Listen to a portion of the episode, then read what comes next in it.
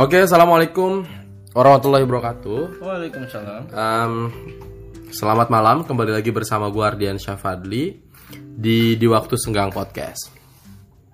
Apa kabarnya semua? Semoga pada sehat. Ya kan, lahir batin. Sekarang juga ppkm udah mulai reda nih, udah udah mulai level 1 gitu. Tapi katanya mau dikembaliin ke level 3 se Indonesia. Dan kebetulan di episode DWS kali ini, gue tidak sedang bersama eh, Pak Farhan Satri dan Bibiu karena dua orang itu sedang sibuk-sibuknya gitu. Ada yang berwirausaha sebagai pengusaha mie ayam Yami namanya, dan ada yang alhamdulillah gitu ya Pak Farhan Satri sudah eh, menjabat di JPPR sebagai manajer apa ya? Manajer kampanye apa manajer apa lah pokoknya. Gitu ya, semoga lancar-lancar terus lah. Em, tapi di episode kali ini ada yang menarik karena gue diteman, gue nggak sendiri, tetapi gue ditemani oleh eh, seorang kawan gitu eh, dari Lampung, jauh-jauh pengen ngisi podcast DWS doang gitu. Kemarin eh, nge-DM gue gitu ya, di gitu. Sebuah pencapaian buat gue dan sebuah kebanggaan kalau gue bisa masuk di DWS podcast. Akhirnya ya udah, ya gue mewujudkan mimpi itulah sebenarnya. Oke, jadi kita sapa langsung. Selamat datang Adi Darussalam. Hai semuanya. Gitu. Biar Darussalam. Seneng banget rasanya emang ya bisa masuk ke DWS. Betul, gitu. betul, betul. Podcast ulung. Sebuah kebanggaan gak sih? Bangga banget anjir. Itu kalau ada di CV ada namanya achievement ya. Betul, Itu betul. paling atas. betul, betul, betul. Jadi nanti ini bisa jadi portofolio lu di. Cakep. Jadi jadi bahan jualan lu. Bisa di- juga ditaruh di kayak marketplace gitu ya, di Bukalapak gitu. Bisa lu jual nih yang video-video kayak Jual gini. video podcast. Ngeri, ngeri, ngeri. Karena di Lampung setahu gue nggak ada ya podcast-podcast gitu. Nggak ada loh podcast itu jadi hal yang masih menjadi impian doang di sana tuh. Oh gitu gitu, ada. bener, bener, bener. Jadi, Jadi, udah- lu melihat DWS podcast ini gimana? Aduh, gua sedikit lebih maju 20 tahun ke depan Betul, gitu betul. kalau DWS. Futuristik anjir. Betul ngeri. ngeri, ngeri, ngeri. Em, Jadi malam ini kita mau ngobrolin apa nih, Di? Jadi gini sebenarnya gue ada ada ide sebuah pembahasan yang kayaknya menarik kalau gue bahas sama Adi gitu. Dan eh, temanya sebenarnya gini, lu kan eh, ini eh, nyalon bukan nyalon siapa kemarin eh, coba untuk eh, apply jadi PNS gitu kan daftar jadi calon CPNS Iya. jadi PNS gitu kan. Eh, jadi nanti gua akan kasih tema di DWS ini adalah eh, tips atau bagaimana caranya em, eh, kalau yang lain kan biasanya bagaimana caranya lolos CPNS. Nah ini gimana cara supaya tidak lolos CPNS?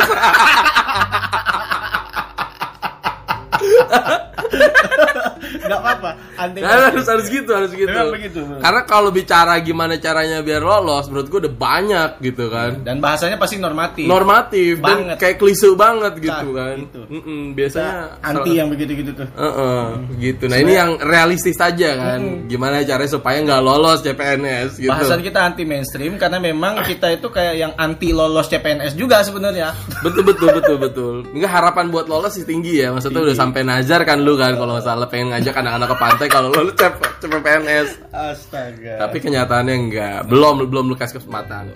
Gue pun juga sama gitu. Artinya eh, kayaknya kita udah berkali-kali lah nyoba ya supaya jadi CPNS gitu kayak nggak lolos terus gitu. Kalau gue di mana terhambatnya di berkas gitu karena gue orangnya eh, brigajulan, Jadi brigajulan sih nggak open sama yang dokumen-dokumen kayak gitu. Jadi kayak suka ngasal gitu.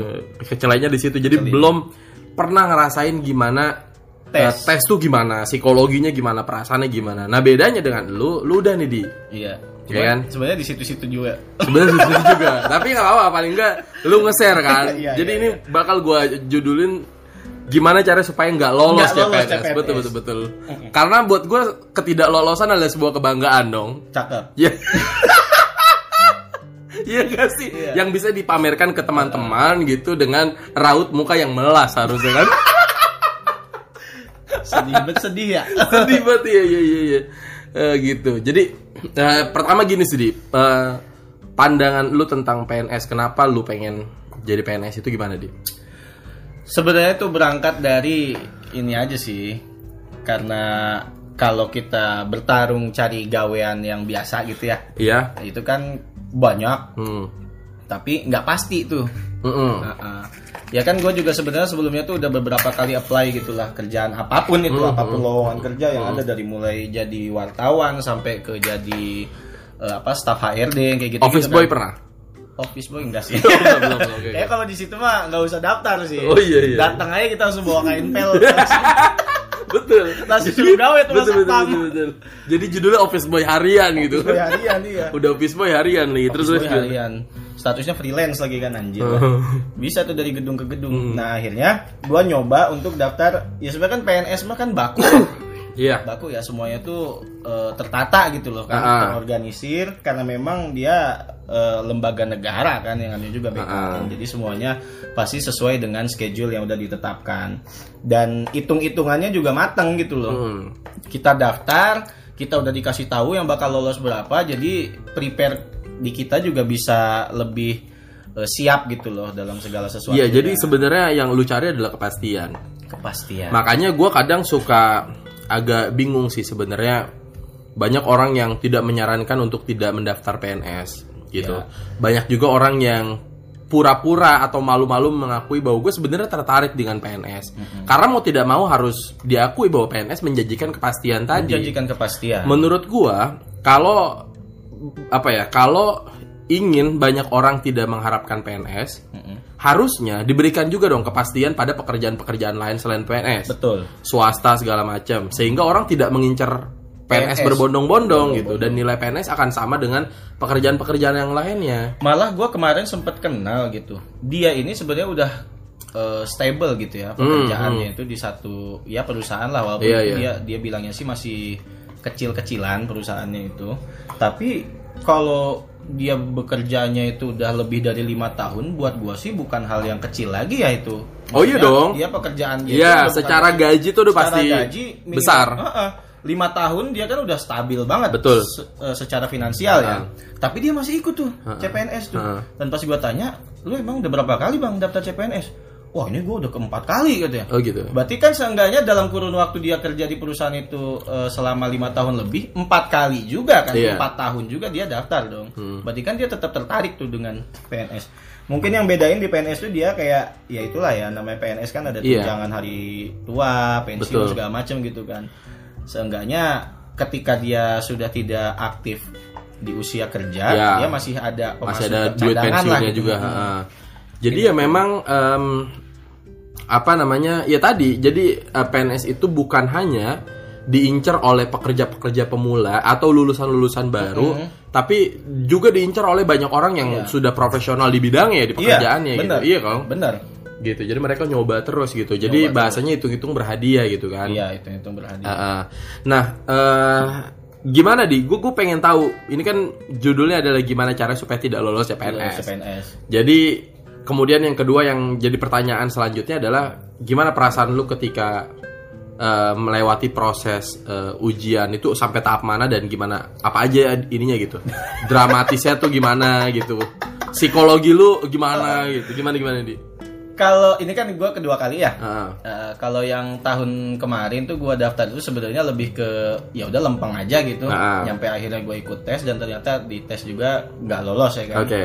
Nah, cuman kalau yang di tahun ini ada cerita tersendiri sebenarnya Gimana tuh? di hari H gue Heeh. eh, tes yang itu tes SKD Iya. kan Terus SKD itu panjang dari seleksi kompetensi dasar. Oke, terus? Ya itu kayak ujian-ujian soal biasa lah, Mm-mm. Nah, kayak tes logika segala macam, wawasan kebangsaan gitu gitulah pokoknya. ya terus Nah, kalau di seleksi berkas kan ya sama lah kayak tahun kemarin. Heeh. Gue juga di seleksi berkas mah nggak ada tekanan apa pun, pede-pede aja gitu.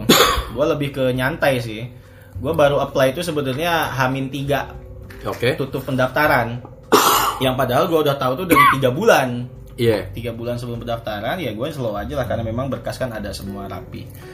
Nah, yang agak bikin eh, apa ya sebenarnya gue sempet dak dikduknya itu justru pas di SKD. ya. SKD. Karena kan tahun ini kan agak berbeda dari tahun sebelumnya. Iya. Kalau tahun sebelumnya itu pelaksanaan SKD itu kita belum kena tuh yang namanya corona tuh. Iya. Hmm. Karena sekarang lagi masa PPKM walaupun level 1 Seenggaknya kan dengan adanya corona tuh ada persyaratan tambahan yang tidak tertulis. Apa tuh? Nah, jadi waktu itu gue baca persyaratannya itu eh, eh, pas pelaksanaannya itu kita harus bawa ya biasalah antigen Ah. atau PCR ya Ah. kan? Yang itu. Nah udah tuh gue bawa tuh. Gue tes antigen segala macem. Eh, alhamdulillah negatif. Akhirnya gue datang besoknya ke lokasi.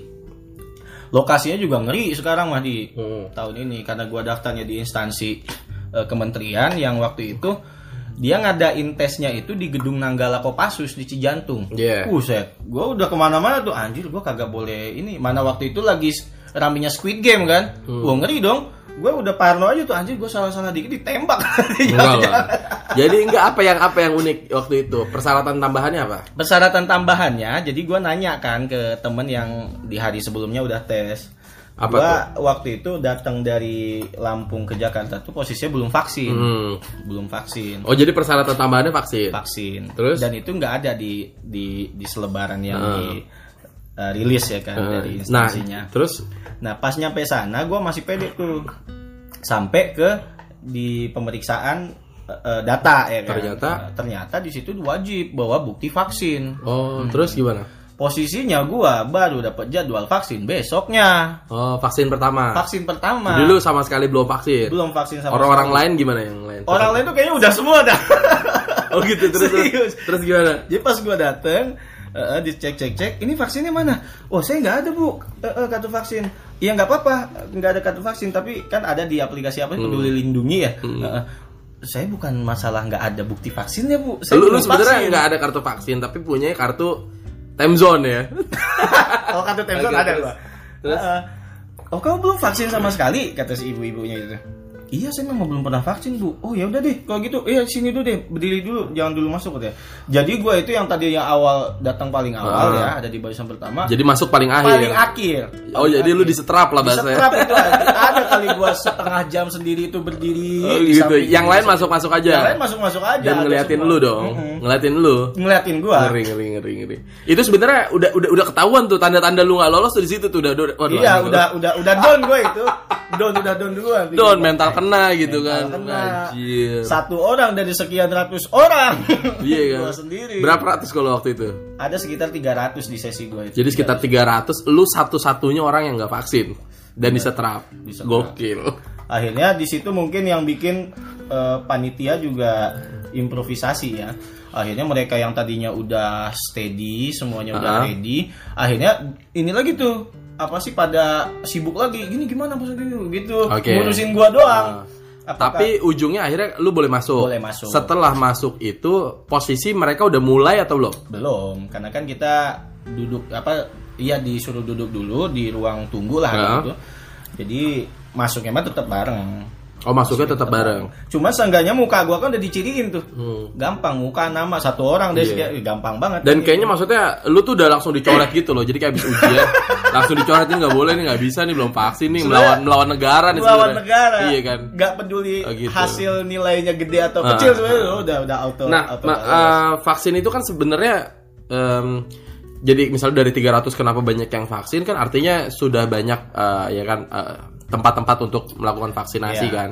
Nah, lu kenapa nggak percaya dengan vaksin? Lu mau kayak jering atau kayak gimana? bukan kayak jering sih sebenarnya. Nggak percaya sama vaksin atau apa? Kalau gua sih ya lebih ya udahlah namanya memang vaksin kan. Cuman lebih ke kalau bukan memang butuh banget, ya gua nggak vaksin gitu loh. Dan gua kira kemarin itu eh, agak konyol juga sebenarnya. Gua pede banget aja gitu dengan pengumuman yang nggak mencantumkan surat vaksin. Oh, di pengumumannya nggak ada ya? Nggak ada. Jadi itu vaksinnya maksud eh, fa- harus vaksin pertama atau kedua aja, Di?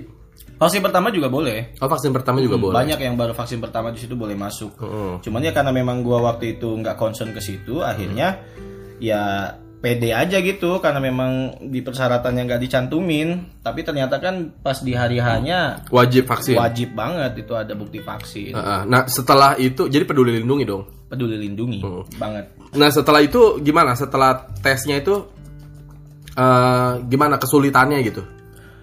Ya atau gini? Atau memang eh, kegagalan selanjutnya kan tadi banyak nih tanda-tanda kegagalan lu udah udah mengarah ke kegagalan dong. Artinya lu datang aja udah tidak ada bobo keberuntungan dong. Iya. Ya kan untuk Iya. lolos tuh kayaknya Udah sial iya, itu. semesta tidak mendukung nih kan. Nah, jadi kegagalan selanjutnya adalah di gimana soalnya? soal Menurut tuh gimana? di soal karena memang gue juga baru belajar soal itu 6 jam sebelum Hmm. ini kan sebelum jalan sebelum hari H jadi ya otomatis itu cuman selewat doang dong dan dari selewat itu juga nggak ada yang nyantol pasti Ah. ya kan dan itu ya memang bener-bener soalnya itu ngeselin gitu loh jadi Mengecoh lah ya. mengecoh banget jawaban itu kayak nggak ada yang salah ya gitu semua bener gitu kan tinggal kita main lucknya aja ya begitulah begitu gua ngerjain soalnya karena memang nggak belajar juga akhirnya ya ya mau nggak mau Tapi kan lu udah punya gambaran dong sebelumnya karena lu Iya. pernah SKD juga kan di tahun lalu. Nah, ini gimana? Ya, Apa gua- beda pertanyaannya? Beda kalau Serius pertanyaan- beda pertanyaan? beda pertanyaannya cuman model pertanyaannya tetap sama model pertanyaannya jenis pertanyaannya sama Berarti hanya- secara hasil dulu tahun lalu berapa sekarang berapa? tahun lalu itu gua di angka 400 400. san Iya. tapi nggak nyampe 410 lah Iya. Mm-mm. tahun ini gua 400 nggak nyampe Nggak nyampe? Nggak nyampe. Berarti lu ada maksudnya eh, setiap tahun tuh ada penurunan intelektual dong. iya gak sih? makin Iya, bodoh makin bego sebenarnya kan? Iya gak sih? Iya. Betul betul. Gua Jadi merasa- orang bukan makin pintar makin bego ya. Gua ma- merasa bodoh di pas ngeliat Betul, nilainya betul. itu anjir cuma 371. Emang selama ini lu merasa pintar gitu? Enggak juga sih.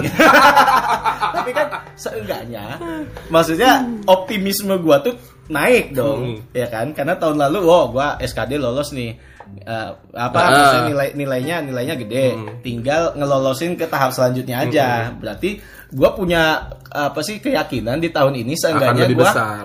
tahap ketiga lolos tuh gitu Iya. loh karena memang peluangnya juga lebih besar yang Hmm. dibutuhkan ya kan kuotanya ya itulah gue pede di situ dan tidak concern ke belajar gitu cuman modal pede aja anjir, anjir. Hmm. Tapi tapi lama tuh lu ngerjain tugas. Ngerjain soalnya Nah, ngerjain soalnya kita dikasih waktu 100 menit oh gitu. Lu udah selesai di waktu ke 5 menit. enggak Berapa? gua ngepas aja tuh tinggal soal terakhir gua ngerjain itu sisa satu menit terakhir lah Oh gitu. Oh lu baru ini. baru Ngasal nggak sih lu atau baca? baca baca baca Baca. Lu lu lu baca dulu si soalnya atau eh, jawabannya? Eh, kalau soalnya yang soal cerita ya kan ada soal cerita Ah. itu gua baca jawabannya dulu Oh iya. baca Pilihan gandanya. dulu, pilihan gandanya dulu Terus? baru nanti refer ke soalnya kan Mm. begitu karena di situ banyak yang eh, soalnya itu kayak misalkan soal wawasan kebangsaan ya Mm. Itu tuh kan kalau kita ngelihat yang banyak di tutorial-tutorial YouTube itu Iya. eh, banyak yang belajarkan tentang eh, pasal Eh, undang-undang, macam. amandemen. Eh, amandemen Ternyata- terus secara historisnya gimana undang kayak gitu ternyata di sana itu soal yang kayak gitu paling cuma sekitar lima lah yang keluar di Sisanya tuh Mm-mm. Sisanya itu ya kayak misalkan gini, eh, di satu daerah diterapkan begini, Oh enggak, begini, itu begini. SKD kan bukan tes wawasan kebangsaan. Ya Eh, tes wawasan kebangsaan kan masuk TWK. di SKD. Oh masuk di SKD ya. Masuk. Heeh, jadi kayak misalkan gitu di RT 5 sedang berlaku ini ini ini Pak RT. Nah, sikap Pak RT yang menunjukkan sila kelima adalah ah, apa tuh teng teng teng teng jawabannya Oh, begitu. Jadi gitu langsung udah. ke praksis soalnya itu. Mm-mm. Mm-mm. Ya begitu kan akhirnya kan ya kita menerawang aja soalnya kira-kira mana nih yang cocok dengan sila kelima itu misalkan. Tapi di situ lu ada ada komunikasi dengan sesama peserta nggak? Maksudnya lu ngobrol kah atau Oh, sharing sel- kah? selama selama selama ujian atau setelah ujian? Setelah ujian Oh, lah. setelah ujian ya kita sharing. Ada aja lah gitu kan. Sharing lebih ke gimana? Aduh gimana nih menyikapi kegagalan atau ketidaklulusan atau gimana? Enggak sih. Karena- lebih sharing ke tadi ngejain soal gimana. Kayak gitu aja. Gitu. Gua kira dia nanya lu gimana tadi disetrap. ada ada yang nanya. Iya, terus karena gimana? memang sebelum masuk kan gue kenal ya. Ah, jadi kan di sana tuh kita wajib bawa pita merah putih. Hmm. nah gue nggak bawa tuh. Nah di sana ada yang bawa gulungan panjang banget. Ya udah gue minta dong ke dia. Otomatis kenal kan nanya nama segala macam. Nah karena memang dia masuk di awal sama gue barisan awal ternyata gue baru datang ke ruang tunggu terakhir dia nanya lu lama banget di luar ngapain aja bang? Digituin. Oh, gitu. gue disetrap. Gue kayak gitu. Dia pas di selesai eh, tes ya udah nanya aja gimana tadi soal bang? Wah parah parah parah parah parah aja semua dan ternyata gua entah ya kenapa ya yang gua kenal tuh sama semua tuh kagak ada yang lolos. Oh gitu. gitu nilainya kecil semua. Hmm, betul, betul, kayaknya gua harus lain kali. Nah itu mungkin ini apa namanya apa tanda kegagalan lu kesekian kali keempat lah ya. keempat Jadi emang maksudnya emang udah gak ada tanda-tanda nih karena setelah eh, ujian pun lu masih dipertemukan dengan orang-orang yang nggak lolos nggak lolos gitu kan yang apa penilaiannya kecil. kecil malah di bawah gua Betul betul betul. ya gua dari situ aja anjir harusnya gua kenalan tuh pilih-pilih kali ya Betul ya iya iya iya. dengan orang yang sekiranya bakal lolos gitu Hmm. Karena kayaknya kalau orang yang lolos mereka pulangnya nggak lewat jalur itu sih, kayak lewat jalur VIP gitu sih. kayaknya ada jalur khusus gitu kalau Iya, lolos gitu iya. ya. nggak nggak nggak dibarengin gitu sama yang rame Heeh. aduh pokoknya luar biasa Jadi lah gimana eh, cara apa tips selanjutnya eh, agar tidak lolos CPNS tuh apa setelah setelah itu? Biar nggak lolos tuh biar gimana? nggak lolos tuh ya lu sok-sokan aja lah Lu sebenarnya mau lolos apa nggak lolos sih? Lolos lah Mau coy lolos ya? Heeh, cuman karena nggak lolos Iya, ya udah iya. tipsnya nggak lolos aja pokoknya datang itu kita sok-sokan aja lah sok-sok pede segala Iya, macam iya, gitu iya. kan Nah, ini lebih ke ngambil pelajaran ke- kesalahan-kesalahan aja kata- lu datang tuh dengan pede yang tinggi Hmm. gitu kan menghiraukan semuanya kenalan itu ya kenalan aja asal-asalan ngobrol segala macam sosok dekat segala macam Mm. Nah kalau gua tips dari gua nih ya, karena gua gagal atau nggak lolosnya pas sebelum tes, jadi lebih Iya. ke seleksi administrasi. Cara untuk tidak lolos CPNS, menurut gua satu, lu nggak usah peduli dengan administrasi persyaratan. Misalnya disuruh bikin surat pernyataan, iya ya kan udah bikin aja, lu searching gimana di Google gimana caranya bikin surat pernyataan, nanti akan keluar tuh. Heeh. Ya kan itu udah pasti nggak lolos tuh karena mereka karena sebenarnya ada draft ya kan Iya. contoh untuk membuat surat pernyataan yang harus lu ikutin Iya. gitu letterlock gitu ya nggak boleh beda gitu. Karena memang per instansi punya ini punya mah, iya format masing-masing. ah, punya format masing-masing gitu. Jadi kalau template dari Google itu udah pastikan Udah pasti bakal nggak mimpi lu untuk tidak lulus CPNS tuh pasti terwujud. Terwujud. Betul. Iya. nah kedua hmm, tips dari gua adalah lu nggak usah hiraukan lu jurusan eh, sarjana apa atau jurusan kuliah apa. Background pendidikan ya. Iya, misalnya kalau gue di UIN itu gue jurusan komunikasi penyiaran Islam. Mhm. Eh, titel gue sarjana sosial. Mhm. Nah, eh, di CPNS kan banyak formasi di berbagai macam instansi, ya kan? Karena gue komunikasi penyiaran Islam, gue berlaku generalis orangnya. Mhm. Jadi semua yang eh, mensyaratkan ilmu komunikasi atau komunikasi atau DKV atau apa pun itu gue anggap sama semuanya. iya dong. Jadi Iya, iya. j- jadi karena kan kalau cuma KPI doang itu adanya di UIN doang. iya di UIN doang Gitu dan itu formasinya cuma ada di Kementerian Agama doang. Mhm. Sebatas itu gitu. Nah, gue tidak menghiraukan itu. Mhm. Jadi gue waktu itu daftar di Kementerian PUPR. Cuma syaratnya adalah sarjana ilmu komunikasi. Gue kan sarjana komunikasi penyiaran Islam. iya Beda tuh. Nah itu ini ilmu komunikasi lu nah, masuk ke situ tuh Masuk ke situ. Nah itu Mantap. udah dipastikan udah dipastikan gak bakal tidak lolos bakal lolos. Gitu. Jadi gue udah berapa kali ya? Udah dua kali ya tahun lalu gue sekali kali, sama iya. tahun ini dan itu cuma di uh, administrasi. Jadi lu sebenarnya tinggal pilih sih. Mau tidak lolos di berkas, mau tidak lolos di SKD atau di apa. Kalau di berkas ya syarat Itu- gue itu. caranya ikutin begitu aja biar nggak lolos. iya Nah kalau uh, SKD, SKB ya gak usah belajar lah lu pertama lu gak usah belajar, bergajulan aja gitu. Kalau Bergajulan perlu aja. orang pakai baju putih lu pakai baju panel. Oh, oh, serius iya iya. Iya kan? karena aturan-aturan di tiap lokasi tes itu biasanya kan ada beda ya Betul. Heeh, ya lu nggak usah ikutin aja tuh aturan begitu tuh. Heeh. kemarin itu ada yang sebenarnya kan dress code itu atasan putih bawahan celana hitam Heeh. ada yang datang pakai celana chino Oh gitu. celana chino warna coklat di Udah terus gimana Oh, dong? ya udah ya itu di boleh masuk Tapi- ya, cuman ya pasti ditandain Oh gitu. Ya iyalah kayaknya juga nggak bakal lolos orang kayak gitu Bener bener bener. Cino lagi warna apa tuh? warna coklat coklat Waduh. terang coklat muda ya Allah kata gua ada aja orang ya Ngeri ngeri. Emang macem-macem sih ya. macam-macam aneh-aneh orang-orang itu lagi yang rapih kayak gua aja gagal lolos iya bener bener bener. ada yang pakai sepatu pantopel dia pakai sepatu cats sepatu running Oh nggak boleh? nggak boleh Nggak boleh. nggak boleh Harusnya? Ya harusnya sepatu pantopel Hmm. rapih begitu Iya, kan bener-bener. klimis banget oh, PNS banget lah gitu Hmm. tampilannya dia pakai sepatu running tuh ada aja kata gue orang-orang kayak gini nih ya itu udah tanda-tanda sih sebetulnya kayak gitu Nah ketika lu sudah merasa bahwa lu tidak lolos di hari itu, lu udah ada perasaan itu belum? udah Nah, apa yang lu lakukan? Apa lu langsung melipir, nyempet-nyempet, nutupin muka, malu? Gitu atau ya gimana? enggak lah Ya, enggak gitu juga kita harus tetap bersikap apa adanya aja lah kayak yang lain gitu kan sama aja. Udah kita datang Enggak na- sempat lu nangis kah, merenung kah atau langsung ke warung nenangin diri atau gimana? Enggak sih gue langsung langsung ke yang ya udah deh kita abadikan momen aja sama, sama kenalan gue itu kan yang sama-sama gak lolos. Iya, iya, iya. sama-sama nilainya kecil. Jadi kita abadikan momen cekrak cekrak Iya, padahal kita nggak tahu kan nggak kenal lagi kan. Soalnya itu kan kenal sesaat gitu dan nggak mungkin Nggak ketemu lagi kan jauh Gak banget. mungkin berlanjut kenalannya juga ngapain Tapi eh, lu ketemu sama orang yang tahun lalu pernah oh PNS lagi nggak? beda lagi. Beda lagi, Beda agak malu juga sih kali ya. Heeh. kalau ketemu sama yang tahun kemarin Jatuhnya lolos, reunian gitu. reunian reuni kegagalan anjay. Jadi setelah lu eh, ujian, lu langsung pulang atau nongkrong dulu langsung atau pulang. Langsung pulang? langsung pulang. Di situ ini gak maksudnya sepanjang perjalanan lu berderai gak air mata tuh nggak? Nggak? Enggak sih, cuman kayak yang ngenes aja gitu bahwa anjir hari ini gak begini banget ya. Udah disetrap dari 300 orang betul, sendiri. betul. Iya.